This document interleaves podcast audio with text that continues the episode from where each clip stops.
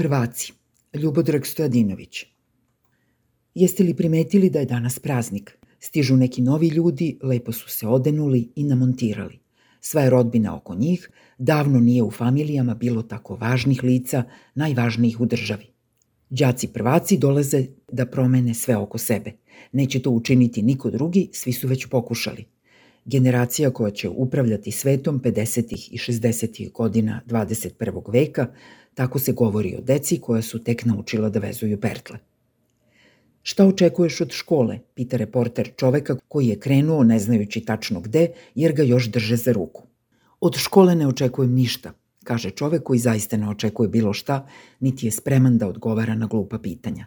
Ali on je u stanju da na njih odgovori pametno. Odakle on zna šta je škola i šta se tamo radi, ide i ne očekuje zašto bi nešto očekivao. Malo ga je strah, zna od čega, malo se raduje, ne zna zbog čega. Nije isto kad ti pričaju šta te čeka i kad te to zaista dočeka. Videće ima vremena koliko hoćeš.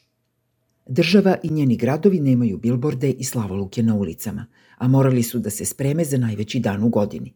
Vidi ko nam je to došao. Desetine hiljada najmanjih, najmlađih i radoznalih, već su pametniji od svih koji im prodaju pamet. Generacija sa prethodnim znanjima, niko ne zna odakle im. Ali još su slabašni da se odupru svetu koji ih obuzima, kao materiju za obradu i poliranje.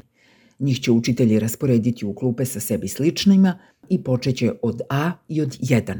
Decu koja su krenula da se posle igre bave ozbiljnim poslom. Na granici između kuće i škole je put kojim će svakoga dana oprezno i uz pratnju koračati prvaci dok se ne sviknu i postanu spretniji i odlučniji, a onda će ih jednoga dana pustiti same. Hoće li ih pustiti kada se sami otrgnu? U Srbiji su kuće, put do škole i škola opasna mesta. Svaki korak je na opasnom mestu. Tu će hodati prvaci, oni ljudi čija neodoljivost boli kao teška briga. Neka oni reporteri koji dežuraju danas oko škola, čekajući da slikaju naše najvažnije i najlepše glave, malo pripaze šta pitaju. Jesi li danas stekla novu drugaricu? Da li je lepa tvoja učiteljica?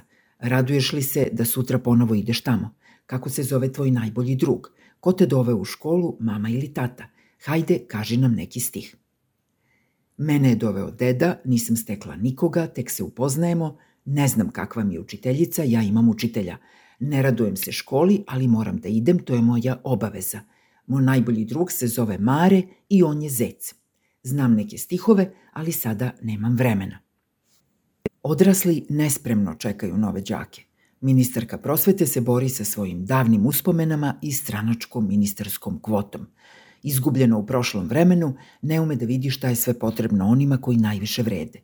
Oni danas odlaze u svet koji je mnogo manji od njihove mašte, sa rancem od 12 kila, punim loših učbenika. Vladar negira da je bilo Jovanjice i ne brine za smenjene policajce. Ne koristim drogu, nemam para, Koga MUP smenjuje, stvar je MUPA. Pravimo nove stadione, jeste li videli onaj u Leskovcu? Tamo ćemo igrati sa Bugarskom, život ide dalje.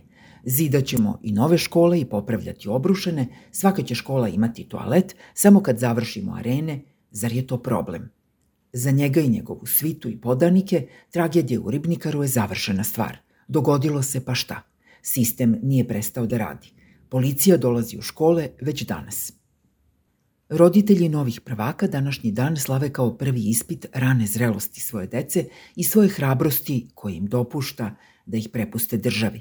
Današnji dan je za radost, a svi ostali za strepnju. To znaju svi koji imaju đake. Molim vas da mi ne zamerite na ličnim emocijama, ali ovaj tekst je posvećen svim prvacima u Srbiji i mojoj najmlađoj unuci Nađi, koja danas postaje đak. Rekoh na početku da su to ljudi kojima ovih dana niko ni po čemu nije ravan – Dužni smo da u svakom času budemo između njih i zla. Samo neka su zdravo i dobro.